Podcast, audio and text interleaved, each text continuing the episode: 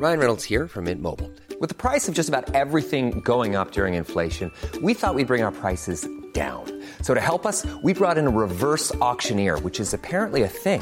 Mint Mobile unlimited premium wireless. Ready to get 30, 30, bit to get 30, bit to get 20, 20, 20, bit to get 20, 20, bit to get 15, 15, 15, 15 just 15 bucks a month. So, Give it a try at mintmobile.com slash switch.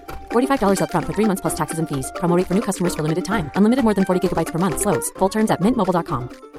Hiring for your small business? If you're not looking for professionals on LinkedIn, you're looking in the wrong place. That's like looking for your car keys in a fish tank. LinkedIn helps you hire professionals you can't find anywhere else, even those who aren't actively searching for a new job but might be open to the perfect role. In a given month, over 70% of LinkedIn users don't even visit other leading job sites. So start looking in the right place. With LinkedIn, you can hire professionals like a professional. Post your free job on linkedin.com/people slash people today. Podkastmarkedet er hett om dagen. Men er det nok podkaster nå? Eller mangler vi noen på markedet? Mens vi sitter her og lager denne podkasten, lanserer Skipsted en kjempesatsing på betalte podkaster. Vil det endre podkastverdenen sånn vi kjenner den? Det lurer jeg på denne uka.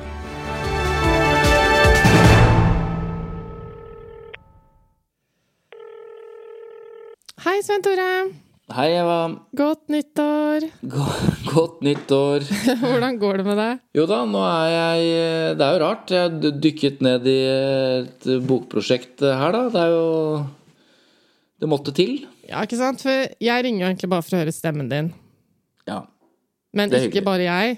Jeg og eh, noen tusen til har jo Tusener lyst på tusener av lyttere. har lyst til å høre stemmen din, eh, selv om du nå har fått streng beskjed fra meg. Ja. Du, altså, du er rett og slett ikke ønsket på jobb. Fordi du har tatt en liten eh, permisjon. Eh, du skal skrive eh, veldig intensivt på et bokprosjekt som du jobber med. Og for å få til det på kort tid, så er du altså hjemme. Eller altså på et eller annet sted og skriver. ja. Det er helt riktig. Eh, Du tok ansvar. Du skjønte at dette gikk ikke i hop, så da har jeg murt meg inne for å få gjort eh, mye på dette nå i januar, og derfor er jeg jo ja, Ja. dessverre ikke verken på jobb eller i podkast. Nettopp. Men det skal vi fikse. Jeg har masse planer. Eh, På årets første uke så har jeg rett og slett lyst til å snakke litt om det vi driver med akkurat her, bortsett fra at du har fri fra det, da. Og det er å lage podkaster. Ja. For eh, som jeg har sagt flere ganger til deg, så har jo egentlig på kort tid, kanskje spesielt i løpet av det siste året, så har jo podkast egentlig blitt mitt foretrukne nyhetsmedie. Og det er litt spesielt, men eh, det er rett og slett blitt min hovedkilde til nyheter i det daglige. Og det er jo egentlig ganske spesielt. Ja, og du vet at du kan gå glipp av noe da, Eva, hvis du bruker podkast prim som primær nyhetskilde og ikke Dagsnytt, liksom. Altså, du kan gå glipp av noe. Dagsnytt er jo også en podkast, da.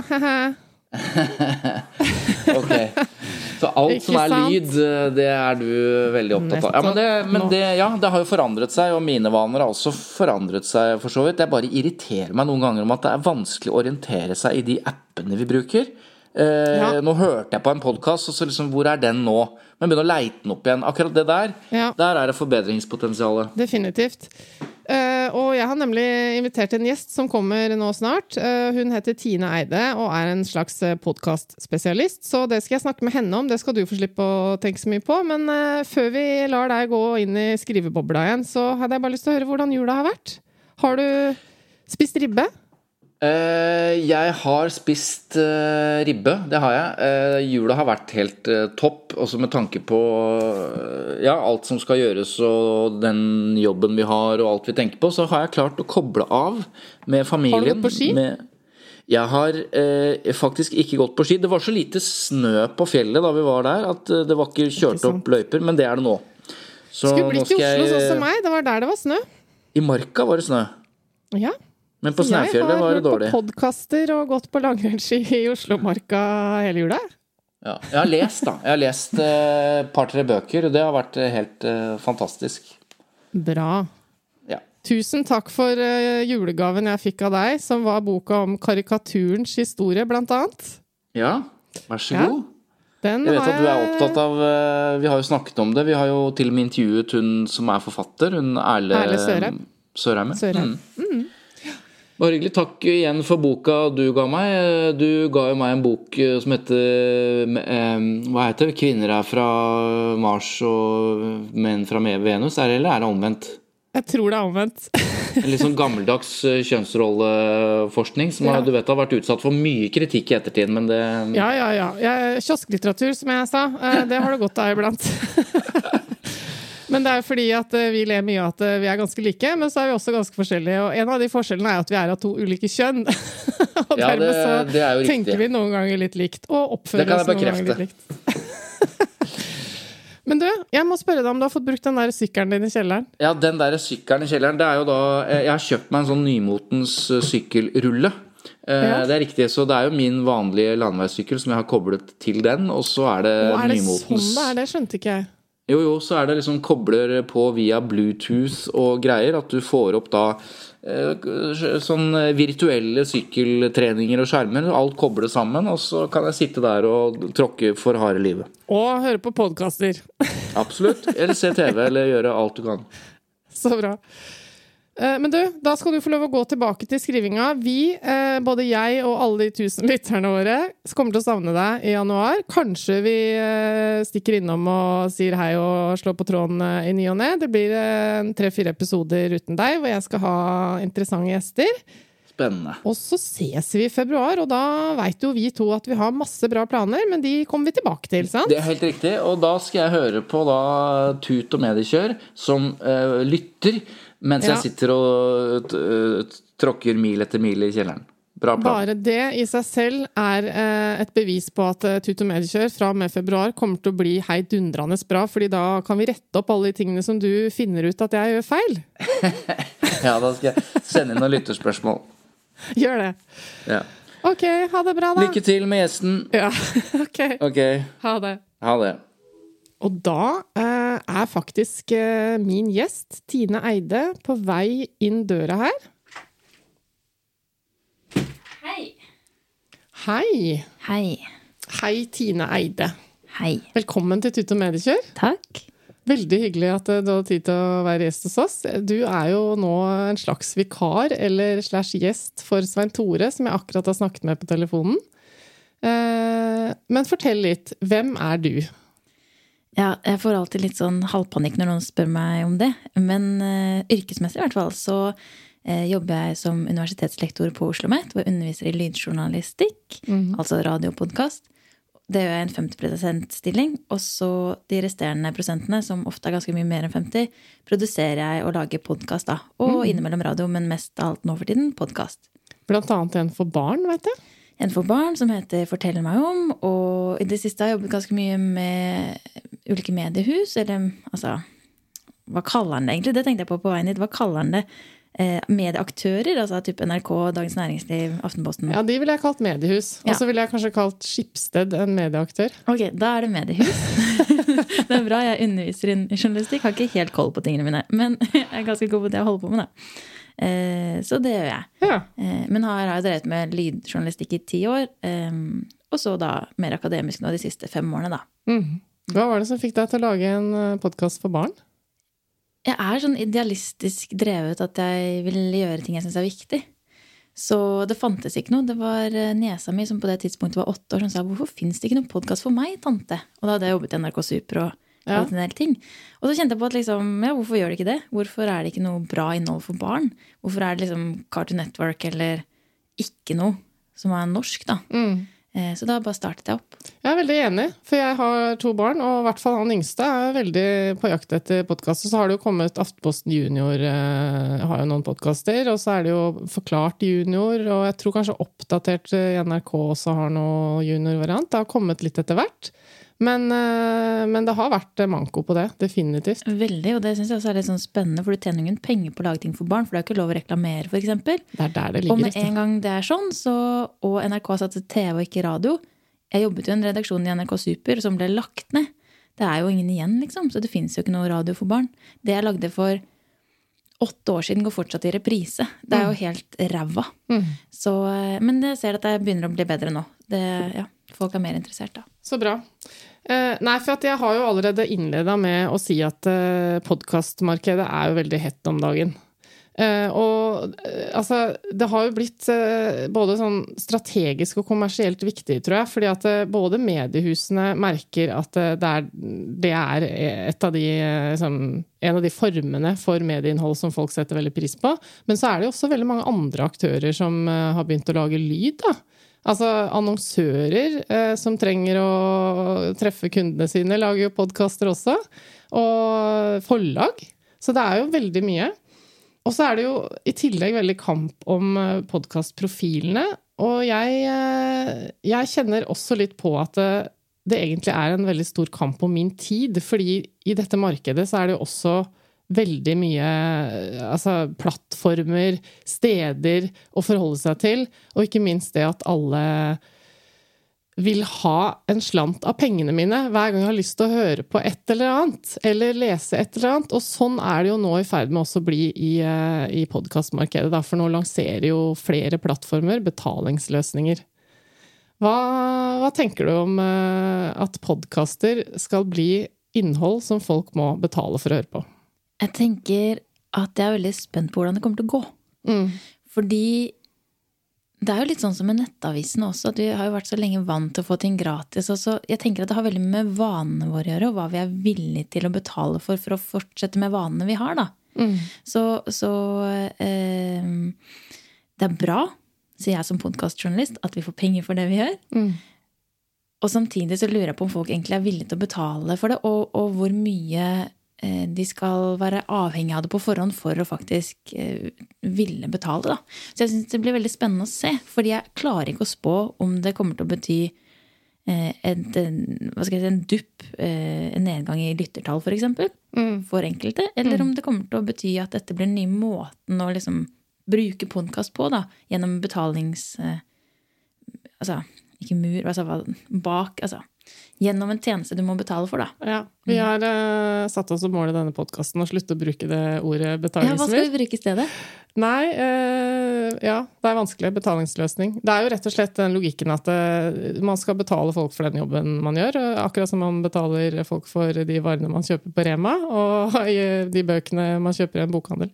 Men ja. Det er jo veldig logisk, ikke sant? Det er jo kjempelogisk, og så er det jo likevel på en måte eh, blitt en sånn vane at en bare skal få ting gratis, for det er en slags opplysning. Eller at, da kan vi snakke om på en måte sånn type som jeg sier til studentene Herregud, jeg begynner å stamme litt. Studentene at eh, du må ikke selge deg billig, fordi vi er, et helt, eh, vi er et helt lag her som trenger at alle tar betalt det vi skal ta betalt. Eh, og så har vi på en måte tilhørt en, et slags sånt laug hvor en ikke har liksom mulighet til å stå så godt sammen da, som frilanser, f.eks. Da tenker også innen podkast at ok, hva om jeg lager noe kjempebra, mens noen amatører som også er ganske gode på ting, lager noe som måles opp mot det jeg lager, så velger noen gratisvarianten mest sannsynlig enn å følge meg.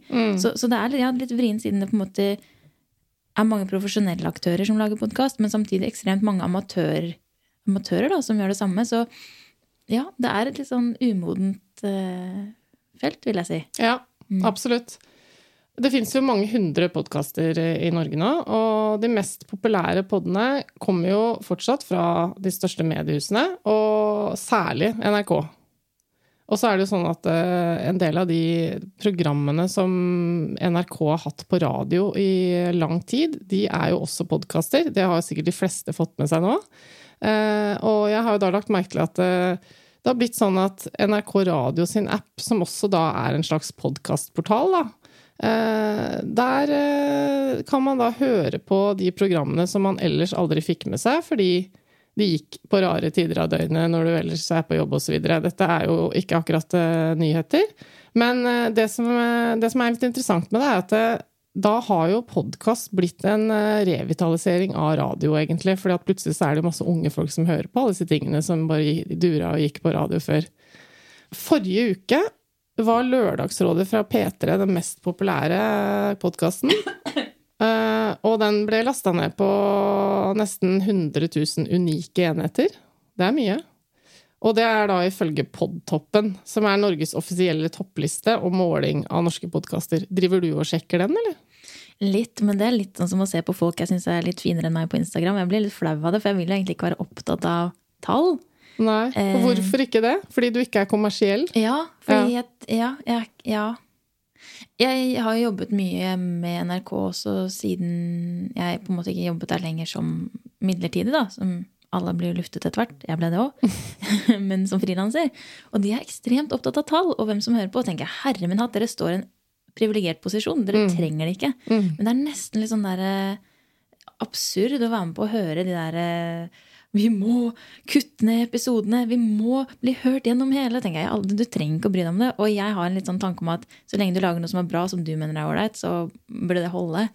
Ja, men er det ikke noe med at du, at du etter hvert skjønner at det, når jeg sitter og snakker nå, så er det ganske mange der ute som hører på. Det har, jo, har det ikke noe å si, syns du?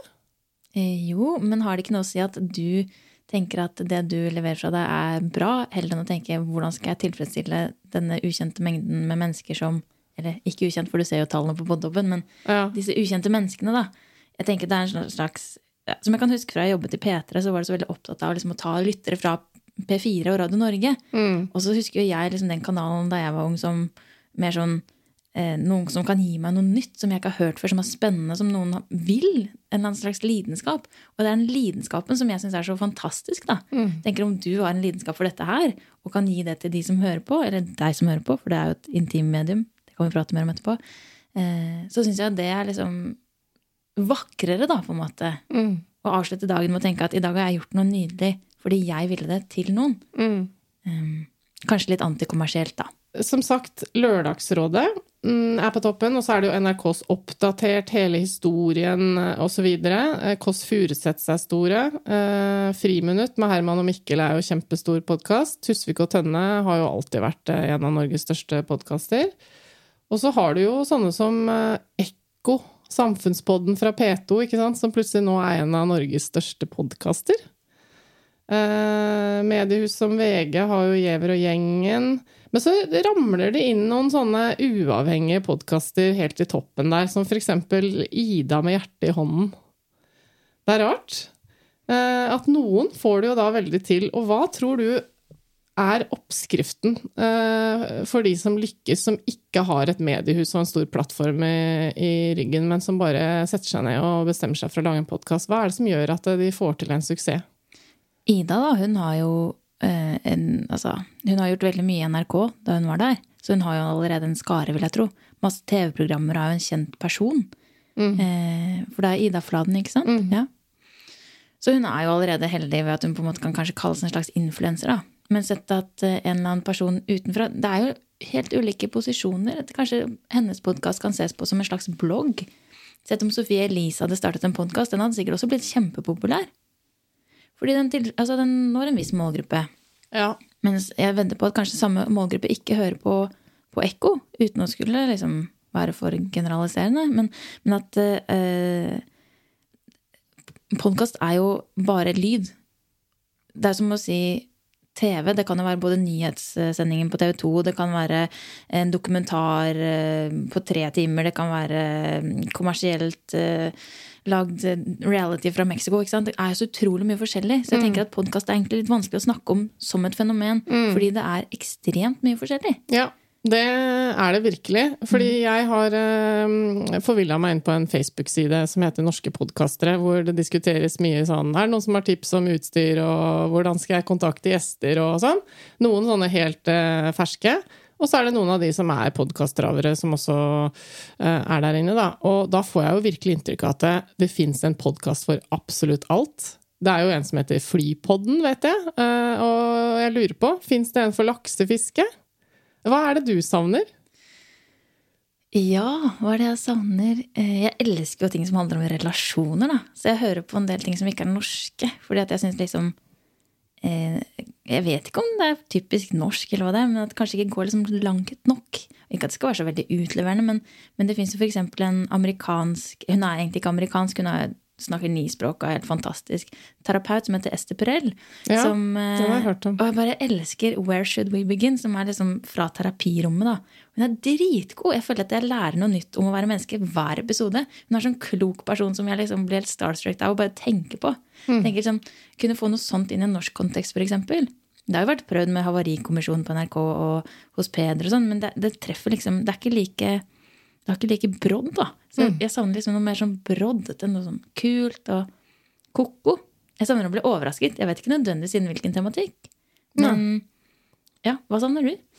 Eh, jeg savner ikke så mye. Jeg syns at eh, det finnes mer enn nok eh, innhold for meg. Det er kanskje min utfordring, at jeg hele tiden føler at det er så mye bra som jeg skulle ha tid til å høre på. Så sånn sett så savner ikke jeg noe.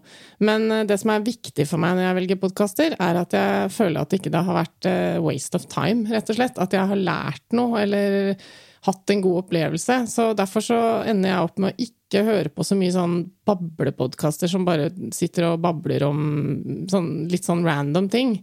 Jeg liker at det er et konsept. Um, men nå er nok jeg litt nyhetsfokusert, da, eller mediefokusert, fordi at jeg selv uh, driver med denne podkasten, så jeg hører på en del andre som er uh, i samme uh, felt, kan du si. Men jeg tror Altså, det er jo en podkast fra The New York Times som heter The Daily. Har du hørt på den? Jeg er ikke så nyhetsfokusert. Jeg Nei, ofte, nei, det er så bra. Da har vi litt ulike Den er eh, ganske korte episoder, eh, sånn kvarter, halvtime ofte, eh, hvor én person i New York Times drar inn journalistene fra mediehuset som snakker om ting de har jobbet med. Og da blir det jo veldig temaepisoder om forskjellige ting. Eh, og det er min hovedutenlandske podkast, for da får jeg et annet blikk. da. Og denne uka her, for eksempel, så har de jo noen episoder om, eh, om, det som skjedde for et år siden under stormingen av Kongressen. Og da kjenner jeg at det er litt deilig, for jeg hører om dette fra Aftenposten og VG og andre mediehus sine podkaster også, men da blir det det sedvanlige norske blikket. Og så kommer det plutselig noen fra New York Times som har gått inn og sett det fra en helt annen vinkel, da, nærere på. Det er jo kjempeinteressant. Og så er det noen sånne The Documentary Podcast fra BBC som jeg hører på. Skal jeg gå inn på lista mi her og se hva jeg har? For det syns jeg er fantastisk, at du kan liksom bare dykke inn i et univers du ikke visste fantes. Eller sånn det er det. feminisme i Afrika. Dritspennende. Dessverre litt dårlig lyd på akkurat den, men, eh, men liksom Ja, jeg elsker det. Ja. Men hva annet hører du på? Eller hva hører jeg? Må jeg finne fram telefonen min? Ja, gjør det. Jeg bare kom på at eh, jeg en gang hørte en podkast om Det var også en amerikansk en, da. Om å ha et barn som eh, ikke tilhører det kjønnet det biologisk er født med. Og bare å få en sånn mor og fars eller fortelling da, om, om å leve Eller transformasjonen for et barn fra å være sett som gutt til jente. Bare fantastisk å kunne få den historien gjennom å høre dem, og at du får liksom følelsen i stemmen og alt nydelig. Det syns jeg er perfekt. Jeg, jeg, er veldig glad i historiefortelling, da. Mm. Um, Stuff You Should Know er en som jeg har uh, i lista mi som jeg sjelden rekker å høre på, men som jeg vet er veldig bra. Det er også sånn nerdete sånn Plutselig så kan du høre en halvtime om et eller annet tema du ikke trodde du var interessert i. Mm. Kjempekult. Og jeg kan merke at jeg blir litt sånn som jeg var da jeg var type 12 og hadde iPod, og egentlig hadde halvparten av musikken jeg likte selv, og halvparten av musikken som var kul hvis noen fant iPoden min og skulle tenke at jeg hadde musikksmak. Ja. Jeg har en del ting på lista her som er sånn Det hører jeg ikke på, nei, men jeg tenkte at jeg skulle det. Uh, ja, jeg har Jeg kan bli litt flau av meg sjæl her, altså. Uh, men jeg liker veldig godt å kunne bare bruke litt tid på å høre på f.eks. Drivkraft er en time med en person. Mm. Uh, jeg liker også sånn Sommer og vinter i P2.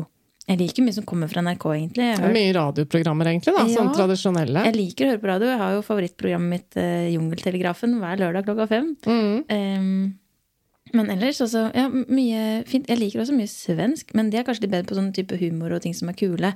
Uh, jeg syns kanskje norsk humor ofte blir sånn teit. Det er jo trist å si, men det kan jeg synes. Så, så det er et uh, ja, Punani 99, som er helt sjukeste radioteater jeg har hørt i mitt liv. Fantastisk. Det bare var helt sånn Er det mulig å lage dette her på radio? Det er jo, nei, ikke radio, på podkast. Eh, Podkastteater, da. Som da følger Punani Altså ei jente da som er liksom født i 99, eh, sin helt absurde livsreise. Så hun er, ja, den er bare superkul. Eh, så, så det, gøy. Ja, det er veldig gøy. Ellers så liker jeg liksom å finne sånne rare små ting. Jeg elsker jo Heavyweight, da, som er en sånn eh, podkast hvor eh, han som har den, som heter eh, Jonathan Goldstein, jeg skal hjelpe en person i hver episode til å oppklare noe. For eksempel vennen hans eh, fra gamle dager som ga bort sin samle-CD til en venn de hadde, som bodde i en kjeller på et eh, kjøpesenter. Eh, for han var så fattig, og så ville han være DJ, da. Og så fikk han låne denne 3-CD-ers greia med sånn eh, urfolksmusikk. Eh, og så brukte han det litt eh, i DJ-ingen sin. Og neste gang denne vennen da, som skal få hjelp i denne episoden, hørte den musikken, var på radio. Fordi denne personen som bodde i kjelleren på kjøpesenteret, er Moby. Som bare slo gjennom og ble millionær. ikke sant? Og da handler episoden om at han vil ha tilbake sedene CD-ene sine. Og han vil ha en takk for at det var han som introduserte ham for det. Og så får vi bli med og møte Moby hjemme hos Moby, og bare hvor forferdelig pinlig det blir. Det er jo fantastisk. Ja, ja. Og det som er så fint, er jo at podkastformatet gjør det mulig å fortelle veldig mye historier med forholdsvis enkle grep. Og så er det forskjell på de som bare kjøper seg en mikrofon og strekker seg ned og prater, sånn som vi for så vidt gjør nå, og de som er ute og lager eh, lydinnslag og intervjuer folk ute, da. Og det syns jeg kanskje det er litt mangel på. Eh, De som lager litt mer dokumentariske eh, sånne opplevelser rundt omkring på location. Men hva, hva er den første podkastopplevelsen du husker, egentlig? Min egen. Fordi jeg startet, jeg startet å lage podkast i hva da, 2014. Og det var da fordi at da var jeg ferdig i NRK, og så tenkte jeg at nå har jeg, jeg har ikke fått lagd det jeg vil lage, liksom. Så da startet jeg sammen med kjæresten min en podkast som skulle bare være alt det vi ikke fikk sagt. Som ble veldig spesielt og rart. Den heter Til kolon. Jeg tror den hadde 400 lyttere, liksom. Det, er sånn, eh, det er ikke noe imponerende. Men eh, den er jeg veldig stolt av. Altså, det var liksom, ja, jeg følte at min egen inngang til podkast var liksom meg selv. Hva med okay. deg? Det var This American Life, Serial. Ja. Da Ja, var jeg hekta. Den tror jeg veldig mange nordmenn har hørt. Eh, Og This American Life er vel en gjeng som lager eh, mye sånne seriepodkaster. Jeg har ikke hørt dem alle, men det er jo veldig mye bra. Og så har jeg mm, eh, et veldig sterkt minne av den som heter jeg, ja. Som jeg tror kanskje var fra New York Times, nå er jeg litt usikker. Som også er en sånn åtte episoder eller noe sånn om en, en som reiser til Syria og joiner IS. Men jeg elsker å høre sånne historier, og det syns jeg også hele historien til NRK for eksempel, er veldig god på. da. De bare tar for seg en sak og bare går gjennom det i timevis. Det er jo det som er deilig. Helt enig. Og det er så godt å høre på historier som er fortalt bra. Det er jo liksom det vi har holdt på med siden tidenes morgen rundt leirbollen, så vi er jo kanskje litt predisponert for å like det. Det er nettopp det. Men du, mm. eh, fortell litt om uh, lytterplattformene. Uh, altså, hvordan er dette markedet her? Kan, kan du prøve å gi en slags oversikt over hvordan dette fungerer, når det kommer til hvor man kan høre på podkaster og hva Ja? Jeg syns det er ekstremt kaotisk. Fordi det finnes jo veldig mange steder. Altså Hvis du publiserer podkasten din, sånn som eksempel den jeg lager for barn, da, i Acast, som er en sånn du betaler for, eh, at de da publiserer for deg, så for, det, det er bare sånn Når du forsvinner ned i et sånt kaninhull, og så bare flosj overalt i alle ulike retninger. Du kan jo ha veldig mange ulike podkast-apper på telefonen din. Så, eh, og de tar ikke nødvendigvis inn alle podkastene, for noen er jo som premiumpodkaster som tilhører bare noen steder, mens de får en andre Og det kommer an på hvor den som publiserer, publiserer. Så det er ekstremt uoversiktlig, syns jeg. Fordi ting ikke samles ett sted, da. Så det er vel kanskje det noen nå har prøvd å få til ved å lage den betalingstjenesten Podme. At de prøver å samle for folk, sånn som på en måte Spotify har vært for musikk, eller Tidal eller Netflix for TV. ikke sant? Og likevel der så ligger jo ikke alt. Så jeg har tre apper for å få hørt på det jeg liker å høre på. Ja, for Podme er jo da Skipsted sin nye storsatsing. Den som da har hentet over eh, gutta fra Radioresepsjonen, som nå er Papaya, blant annet, og Herman og Hva heter han? Mikkel Niva. Ja. Eh, og en del andre. Tusvik og Tønne har også gått dit. Det kan vi også snakke om, for det blir jo litt interessant eh, hvordan de eh, gjør det da etter at de går bak betalingsmur, eh, med tanke på at de har vært en av Norges største podkaster. Betalingsmur? Nå sa jeg det! De har vel fått betalt for det de har gjort før. Det er jo det, ikke sant. Fordi eh, jeg er helt enig med deg. Jeg hører veldig mye podkaster gjennom Spotify. Eh, Så sånn sett så er jo ikke det bare en musikkplattform. Og i en god stund så har jo det vært et sted hvor du får inn stort sett alt eh, som legges ut på den måten som du beskriver, da, gjennom en sånn distribusjonsplattform som Acast eksempel er. Men så er det jo flere og flere nå som skjønner, akkurat som det var da nettjournalistikken eh, begynte å skjønne at eh, dette her kan vi ikke holde på med uten at vi får betalt for det. Og så begynte dette betalingsmurprosjektet å komme opp, og så ble det litt vanskeligere tilgjengelig, noe av det. Og så blir folk frustrert. Og sånn er det jo nå. Det er jo forståelig at NRK ønsker jo selvfølgelig at brukerne skal være på deres spiller, som er NRK Radio. Og ergo så legger de ut episodene tidligere på den enn eh, jeg finner dem på Spotify, eksempel. Og vurderer å, å ikke tilby dem hos en tredjepart fordi at de har opplevd at, at NRK-logoen ble tatt bort fra deres produksjoner. Nettopp. Og det er jo litt spesielt, syns jeg, da. At noen later som de ikke er fra NRK. Um, mm. Og så Ikke sant? Det, det, liksom, det, blir så forvirrende, for jeg var ganske opptatt av at jeg skulle ha en, um, en app og ferdig med det. Men så ble jeg sånn åh, jeg har lyst til å høre den nye Havarikommisjonen-episoden. Da må jeg laste ned NRK Radio, da. Mm. Ok. Og så drev og lagde noen greier. Det satt litt langt inne, eller? Ja, litt. For det er så utrolig prinsippfast, og det er litt slitsomt. Men sånn er jeg. Og så sier plutselig eh, Jonathan Goldstein da, i, i, Heavyweight at eh, hvis du skal høre mer Heavyweight, så må du på Spotify. Og så nei, men svarte! Det ja, er det da Spotify exclusive? Ja, for Gimlet eh, Media, da, som er denne de som produserer annet eh, Where Should We Begin, som jeg liker veldig godt, og, og Heavyweight og mange andre, Reply All, som jeg så du hadde på din eh, liste her, mm. de er nå eksklusive Spotify. Og så tenkte jeg ah, et svakt øyeblikk så lastet jeg ned Spotify også, så nå har jeg da tre. Men det, var at, det er veldig bra, fordi jeg er vant til det, og det er en vane jeg ikke er villig til å gi opp. Ja. Um, Men hvorfor vet, gjør de dette, tror du? Fordi de tjener jo ingenting eh, Altså, de har reklamer som jeg ikke vet hvorfor ikke jeg får på norsk. For det bare er aldri reklame på de Eh, jeg har hørt på tidligere, da, fra Gimlet. Men eh, jeg tror de gjør det for at de får penger fra Spotify, fordi Spotify vil bli størst. De har en sånn Åpenbart, ekstremt ja. Eh, imperialistisk tanke om å bare ta alt, liksom. Ja, og jeg, jeg, ser jo et mønster her hos alle disse aktørene. For at Podme, som vi akkurat snakket om, da, Skipsted sin eh, nylanserte mm, plattform, eh, de ønsker jo også å, å, være den prefererte plattformen som vi går til for å høre våre podkaster. Og det vil si at de henter da inn, eh, akkurat som Spotify gjør, alle andre podkaster som ligger på såkalt open source, som, som, som kommer ut i alle disse spillerne. Apple Podcast og Spotify osv. Og så er det noen som er eksklusive, som du bare får høre når du er abonnent, da.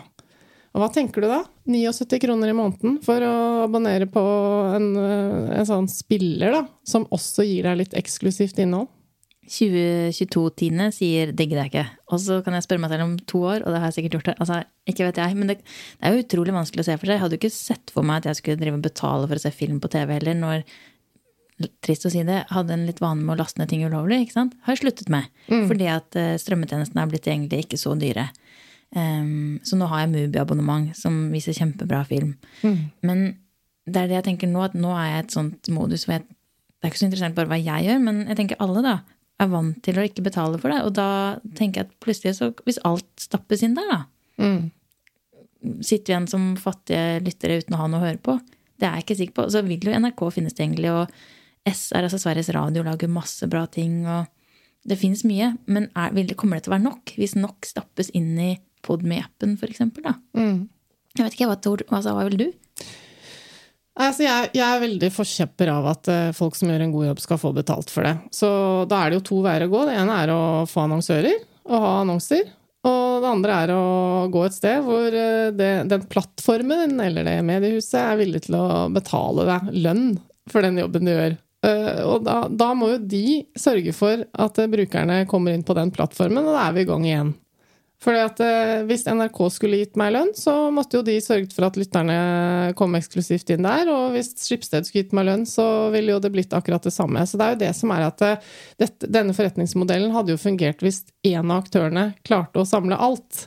Og ta betalt Da kunne jeg betalt 500 kroner i måneden hvis jeg hadde absolutt alt av lyd på ett sted. Men eh, det er jo dessverre ikke sånn det er lenger, da. Og det er det som er utfordringen. Og så blir det også spennende å se hvor mye Podmy er interessert i å betale i lønn. Hvis du ikke heter Papaya på podkasten eller er Tusvik og Tønne. Mm. For eh, det har jeg opplevd litt, for jeg har jo da blitt Ja. Jeg lager også podkast, og jeg får jo tilbud om å lage ting. Og da har jeg fått tilbud om ting jeg tenker er ganske langt under tariff for å lage for sånne store tjenester sånn som det, blant annet. Og det tenker jeg det er ikke noe kult det hvis den eneste muligheten du har, er å lage noe for noen som underbetaler deg heller. Så, så, det er litt vanskelig. Ja, det er litt utfordrende. Men fortell litt, eh, du som er eh, podkastspesialist, da. det er så utrolig bra tittel. Eh, man bør være kjendis. Det var det første rådet du ga. Begynn på Instagram. Nei da. Eller så uh, må man ha uh, et tydelig konsept eller noe interessant eh, å fortelle om. Men da tenker jeg at det kommer litt an på, for det er jo mange som sier det at podkast er kult fordi de hører plutselig på noe som de ikke trodde de interesserte seg for. Og da må man jo ha et sted å fortelle om at man fins. Og det er en ny utfordring, syns jeg. For hvis man går inn på podtoppen, så ligger det jo flere hundre podkaster nedover på lista der. Og helt nederst på den lista så er det jo eh, noen som har typ sånn seks lyttere. Eh, og så er det alltid flere enn det, da, for podtoppen er ganske selektiv med hva de registrerer som lyttertall. For den er jo laget også for at annonsører skal få realistiske tall for eh, hvor mange en podkast treffer. Men men uh, hva, hva, gjør man da, da? Det er ikke så lett å, å liksom, Sånn som du, som har en barnepodkast. Hvordan er det du forteller verden om den? Jeg har ikke brukt noen penger på å spre den. Jeg bare tenkte at uh, jeg håper at jeg lager såpass bra innhold at folk kommer til å spre den av seg selv, og det har de gjort. Så den er uh, jeg, jeg, blir liksom stadig rørt av hvor mange som har fått det med seg uten at jeg har prøvd å mm. få det til noen, da. Mm. Um, men, men, jeg tenkte for eksempel sånn som Jeg blir stadig vekk spurt om jeg kan uttale meg om ulike ting som hva syns du om at 18 av 36 advokatkontorer nå har sin egen podkast? Og så ble liksom hm, det, ja, Flott. Eller også ble spurt om fysioterapeuten som har startet opp sitt eget altså, sånn, fagblad, da. Mm.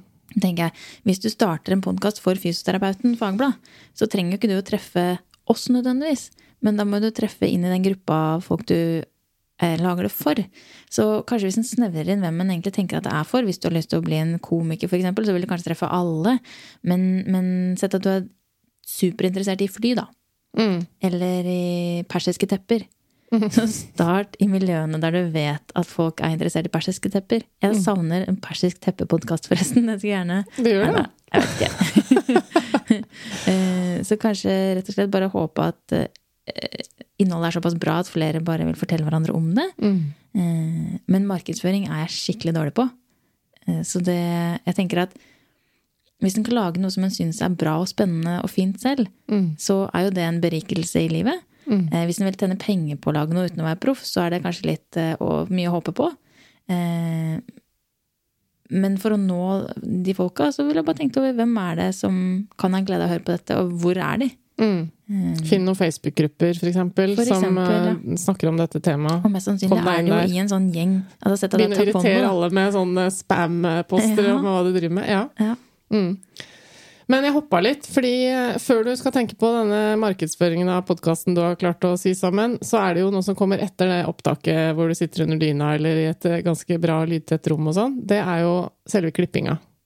Fordi eh, sånn som nå, så sitter jo vi, og det er lett å tenke at eh, det er bare å skru på knappen, og når den er ferdig, så legger du på et eller annet musikk foran og bak, og så er det ferdig. Men veldig ofte så ender man jo opp med å måtte justere litt, ta bort noen greier, osv. Og, så og du klipper jo mye podkaster selv, det gjør jo ikke vi.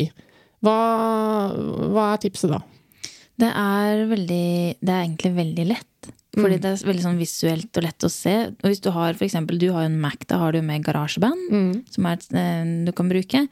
Eh, det kan, gjør jeg faktisk når ja. jeg driver lydintervjuer. Ja, ikke sant? Det er kjempegreit, for du ser på linja, så ser du liksom For eksempel hvis de sier sånn som er fælt å høre på, så ser du sånn eh, lang strek, som betyr at oi, da skjønner jeg at jeg skal klippe bort. Mm. Og så kan du legge på ulike linjer i det redigeringsprogrammet, og så fade litt, sånn at det ikke blir så harde overganger.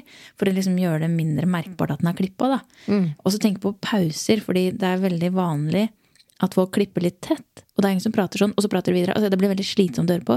Så må bare la folk ha pauser. Mm. Ikke for lange, men sånn som er naturlig. Mm. Ja.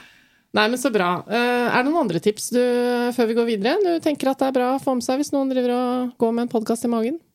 Ja, jeg pleier egentlig å holde podkast-workshops hvor jeg lærer folk å lage podkastideer. Og da handler det først om å finne ut noe som Og lag på noe du syns er så spennende at det er verdt å ha det som hobby før du blir kjendis og får det til kjempebra. Mm. Eh, men deretter liksom teste konseptet og være godt forberedt. Det er jo veldig kan bli veldig mye jobb. Og hvis du da liksom etter episode én er sånn åh, nå orker jeg ikke mer, så er det jo litt kjedelig. Så et eller annet må lages opp en sånn bank av episoder på forhånd. Skrive mange ideer på en, et ark eller tavle eller på telefonen eller noe. Sånn at du på en måte skjønner at denne ideen kan det komme mye ut av, da. Mm. Um, det som jeg tror er problemet, jeg stilte spørsmålet innledningsvis, er det blitt for mange podkaster?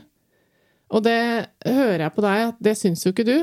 Fordi Jo, litt. Jeg tenker mange av dem vil dø ut av seg selv, men mange av dem plager meg ikke så mye heller, for de hører jeg jo ikke på. Nei. Ikke sant? Så du tenker at så lenge folk bare holder på, så får de bare holde på. Det er plass til eh, alle på internett, eller på, Ja, plattformene. jeg vil jo lure på sånn Rema 1000-podkasten, liksom. Hva hadde fått meg til å velge det i stedet for å velge å høre på hele historien på NRK? Altså, noe, vi har jo bare 24 timer i døgnet, og vi er travle er mennesker. det. Så jeg Fordi- tenker, ja, noen utsletter seg jo på en måte selv. Jeg har nemlig akkurat lest om noe som heter eh, på amerikansk attention recession. Eh, Det er et begrep da som jeg tror man kanskje kan oversette til oppmerksomhetsskvis eller noe sånt nå. Eh, Hvor forskningen nå sier at pandemien har gjort at vi, har fått mye mer tid til å konsumere innhold, og da spesielt medieinnhold handler dette om, da. Eh, og i denne tiden, de siste to åra under pandemien, så har jo podkastlyttingen vokst veldig. Det kan jo være tilfeldig, men det er nok også forsterket litt av pandemien. Vi har jo ekstremt mye tid nå til å konsumere innhold. Eh, ikke bare Netflix-serier, men også podkast. Men når er det du egentlig hører på podkast? Når jeg sykler, Ja. vel å merke bare på gang- og sykkelsti og ikke på veien, så jeg blir drept. Eller når jeg går tur, eller når jeg jogger, eller alle sånne lommer hvor jeg skal ting. Transportetapper for meg, da. Helt samme med meg. Ja, for jeg har, jeg har et eh, hverdagsliv med små barn og mye styr og mas. Jeg føler ikke at jeg liksom kan si sånn stille, mor skal høre på podkast. Så det blir liksom disse mellometappene, da. Ja, for døgnet har jo bare 24 timer, og det som er spesielt med podkast, tror jeg, som gjør at det er liv laga, selv etter pandemien, det er vel det at du kan gjøre andre ting samtidig. Jeg tror jo alle disse seriene vi har ligget på sofaen og sett på, de vil eh, gå litt ned i eh, liksom, andelen av våre 24 timer i døgnet. Mens podkast, som du sier, jeg sykler til og fra jobb hver eneste dag. Da har jeg mine 15 minutter med en podkast. Da blir det viktig for meg å velge de korte. Er det sånn for deg òg, eller setter du på noe, så fortsetter du senere? Ja, jeg gjør det. For det er altså, sånn som å se film på kvelden, så er det en halvtime, for jeg ikke orker å se meg før jeg skal legge meg, så ser jeg neste halvtime altså neste dag. Ja. Jeg vet ikke, ja, for dette, jeg, jeg husker det jo, men eh, ja, ok, så du har sånn 15 minutters syklepodkast. Hva hører du på da? Ja, altså, jeg er veldig altså, Podkast har jo blitt et uh, veldig viktig me nyhetsmedium for meg, så da hører jeg på sånne uh, Aftenposten forklart eller Gjever og gjengen, uh, sånne type ting, som er forholdsvis korte. Så får jeg en oppsummering av eh, Altså, ikke alle er jo oppsummering av det som har skjedd i dag, da, men eh, da er det sånne Få inn det som skjer i verden. Og så er det jo um, Det som er fint, er at når du går på tur, på skitur, som jeg gjør veldig mye, eller er ute og går og sånn, da er det jo disse litt mer sånn som du nevnte, drivkraft og krisemøter og sånne litt sånn deilige portrettintervju, fine podkastene, som ofte varer en times tid. Og så er det jo når du driver med husarbeid, da. Hva hører du på da? Nå avslører jeg at jeg så sjelden driver med husarbeid. Det er litt flaut. Eh, ja, men jo da. Jo da. Eh, de gangene jeg burde ha støvsugd, i hvert fall. Det Det er, jeg hørt jeg støvsuger ikke så mye heller, men det er mye som kvalifiserer som husarbeid. Ja, Matlaging, f.eks. Ja, ikke sant? Matlaging. Da eh, tror jeg jeg blir veldig sånn asosial for resten av familien min, for da setter jeg på meg et headset og stapper mobilen bak i lomma. Samme hører gjør jeg ofte. Ja, ikke sant? Ja, på Jeg liker eh, å bruke ja, bare ting som er godt fortalt, syns jeg er toppers. Så det kan være gjerne noe som er litt hyggelig. Eh, litt sånn Jeg orker ikke mer eh, krig i Syria akkurat da. Da vil jeg gjerne høre et eller annet sånn Kanskje litt trist sommer i P2. Eller et eller annet sånn portrettprogram. av Ja, for du, er ikke sånn Dagsnytt 18 og jeg liksom hater ikke Dagsnytt 18. Jeg bare orker det ikke. Nei, Eh, Hvorfor ikke? eh, jeg hører faktisk ganske ofte på Dagsnytt 18 mens jeg spiser middag. Jeg blir bare sur. Ble, hvorfor må folk være så Jeg liker ikke diskusjonsformen, liksom. Jeg syns ikke det kommer noe ut av det. At det er krangling? Ja, og liksom Har det noen gang skjedd noe Det har det helt sikkert etter en Dagsnytt 18-sending. har det bidratt til forandring på et eller annet vis? Annet enn at liksom, det er fint å sette søkelys på ting, men jeg trives ikke med Politisk kvarter, f.eks. Bjørn Myklebust. Han var så supersøt når han skulle ha sånn sommerprogram og skulle liksom prate med folk. Og da tenkte jeg, er det samme person? For han er så streng og sur. Jeg blir så sur av sure folk. Så ja. Ja, så podkast for deg er egentlig at du vil ha noe som, eh, som gir deg noe mer enn bare den derre bullet-nyhetsdiskusjonen. Jeg vil gjerne lære noe, jeg vil gjerne bli rørt, jeg vil forstå ting på en bedre måte, jeg vil bli et bedre menneske. Ja. Og så tenker jeg også det er ganske spennende å se på, på en måte For jeg, jeg tenkte, hva, hva er det som er populært, da? Og da har jeg delt inn i tre kategorier. Det er liksom underholdning. Altså alt kan jo flyte litt over i hverandre. Men underholdning, og så det å holde seg oppdatert, som du forteller at det er viktig for deg, da. Ja, det er viktig for meg òg, eh, men jeg kanskje hører på radio og ikke på podkast for å gjøre det. Eh, og det å lære noe, og, og at eh, vi har de behovene for å koble av, og i stedet da, som du sier, i stedet for å se på Netflix, så hører du kanskje på en podkast, for da kan du ta den joggeturen samtidig. Mm. og alt som faller litt mellom de tre kategoriene, når liksom ikke helt opp, virker det som. Mm. Og hvis en klarer å blande alle tre, så blir det jo plutselig veldig bra, da, ofte. Mm, så, så, kanskje det, liksom, hvis du skal lykkes med en podkast, lag noe som er underholdende, hvor du kan holde deg oppdatert, og du lærer noe. Det tror jeg hadde vært eh, helt supermega. Det høres ut som et bra tips. Ja. Hva tror du blir, eh, hvis vi holder oss til det norske markedet primært, da, hva tror du blir eh, suksessene i 2022? Jeg tror mye av det samme som har vært. Eh, altså, det trenger ikke å være at akkurat det er eh, Friminuttgjengen, men liksom to menn som snakker om humoristiske ting. Altså type sjangeren, da. Mm. Eh, men jeg tenkte også på det at, sånn som du nevnte i starten med Serial, at Mm. jeg tror det kan komme en sånn stor, mm, bra serie fra et av de større mediehusene eh, som vil blåse folk litt av banen. Altså av Heter det blåse av banen? Hørtes jo veldig rart ut. Få får folk til å liksom det. høre på. Eh, som kan skape, men som ikke jeg klarer å forutse. Feie av banen. Feie av banen.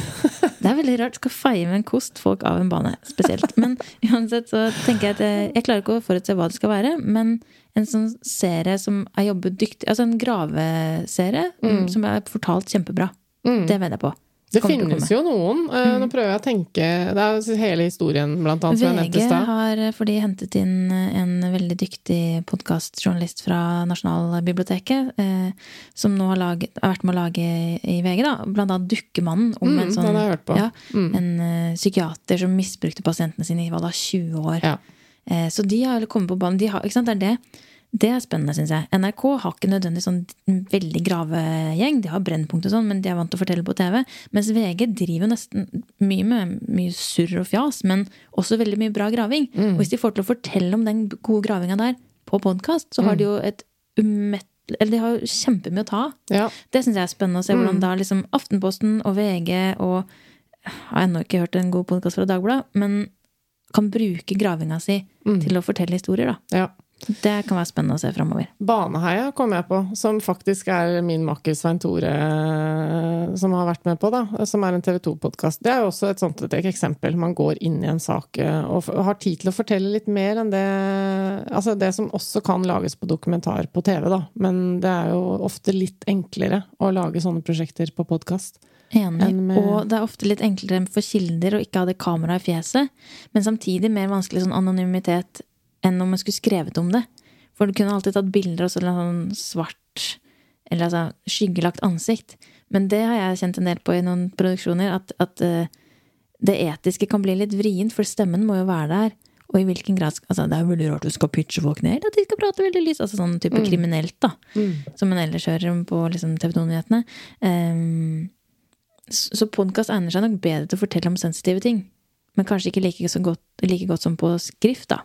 Jeg er veldig enig i det du sier, at eh, det å lage en podkast er lettere hvis du ønsker å få folk i tale. Det har eh, dessverre veldig mye å si at eh, folk eh, slipper den følelsen av at eh, de skal se bra ut mens de blir filmet.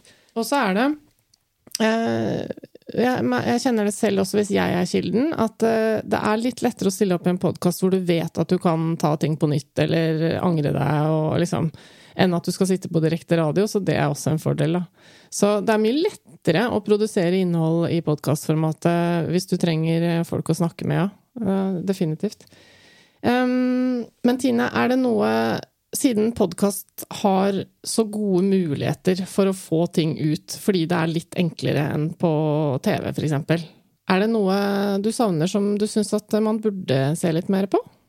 Jeg syns det er ganske tydelig at de gruppene som ikke blir så godt representert i media til vanlig, sånn som eldre og barn, innvandrere, samer, skeive, er det heller ikke så mye podkasttilbud for.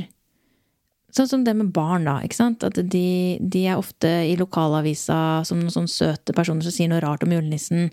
Eldre intervjues ofte hvis det er liksom noe trist som har skjedd, eller noe som bare handler om eldre innvandrere. Selv om hva da, én av ti nordmenn er innvandrere, så er det bare 2% av sakene. Altså dette er litt gammel statistikk.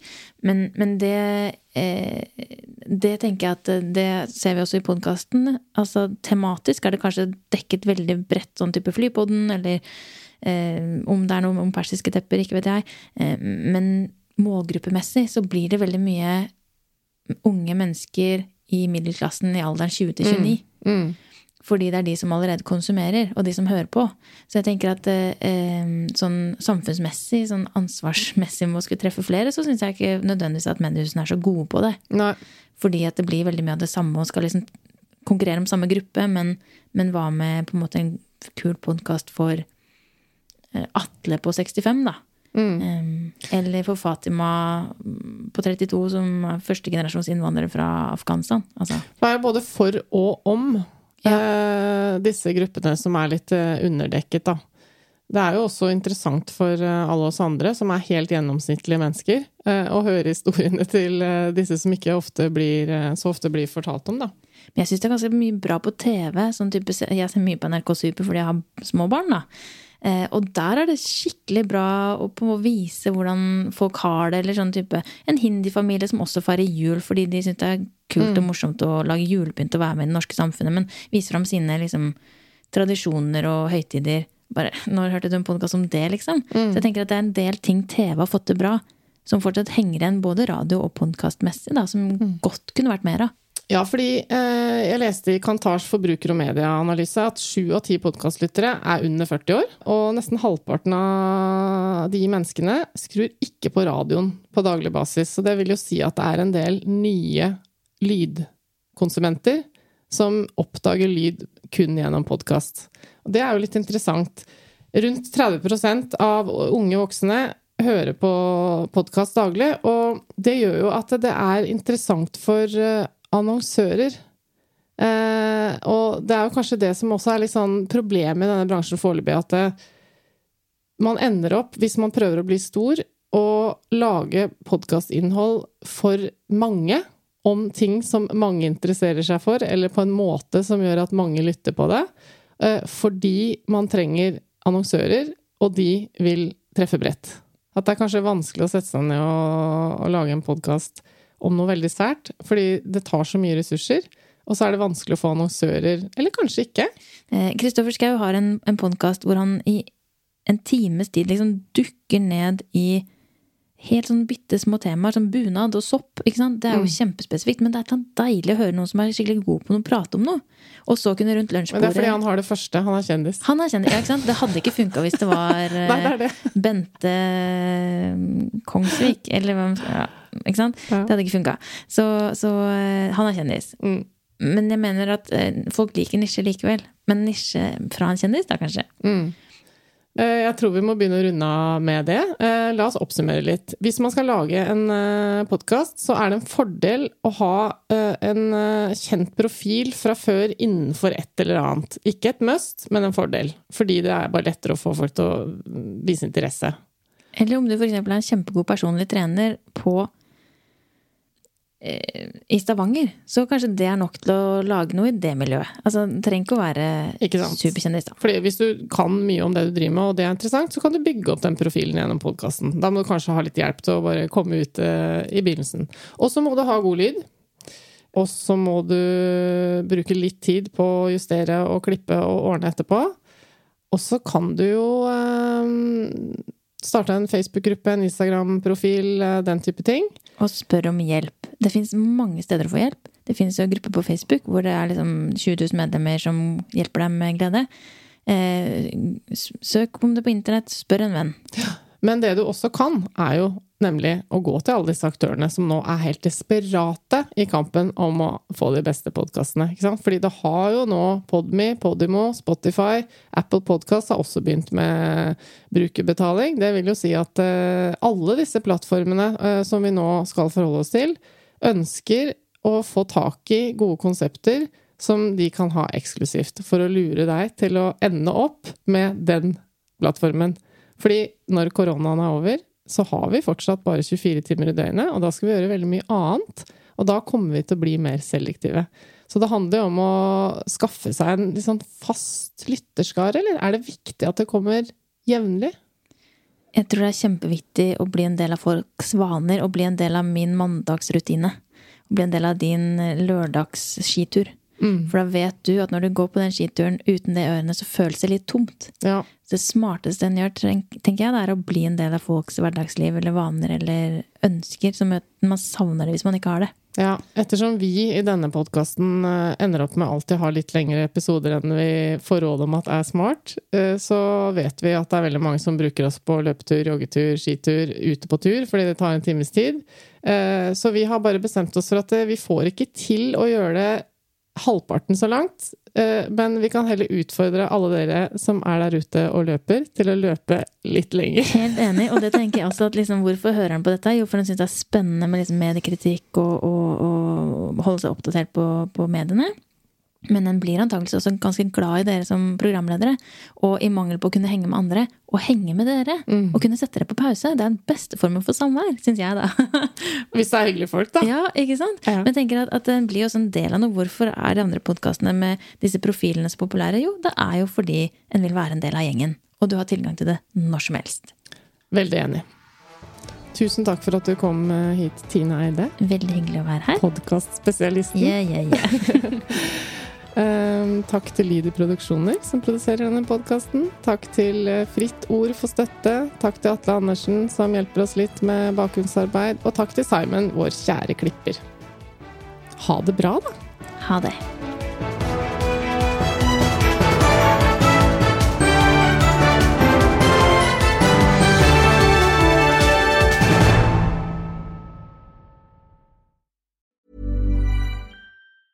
A lot can happen in the next three years. Like a chatbot may be your new best friend. But what won't change? Needing health insurance. United Healthcare Tri Term Medical Plans are available for these changing times. Underwritten by Golden Rule Insurance Company, they offer budget friendly, flexible coverage for people who are in between jobs or missed open enrollment. The plans last nearly three years in some states, with access to a nationwide network of doctors and hospitals. So, for whatever tomorrow brings, United Healthcare Tri Term Medical Plans may be for you. Learn more at uh1.com.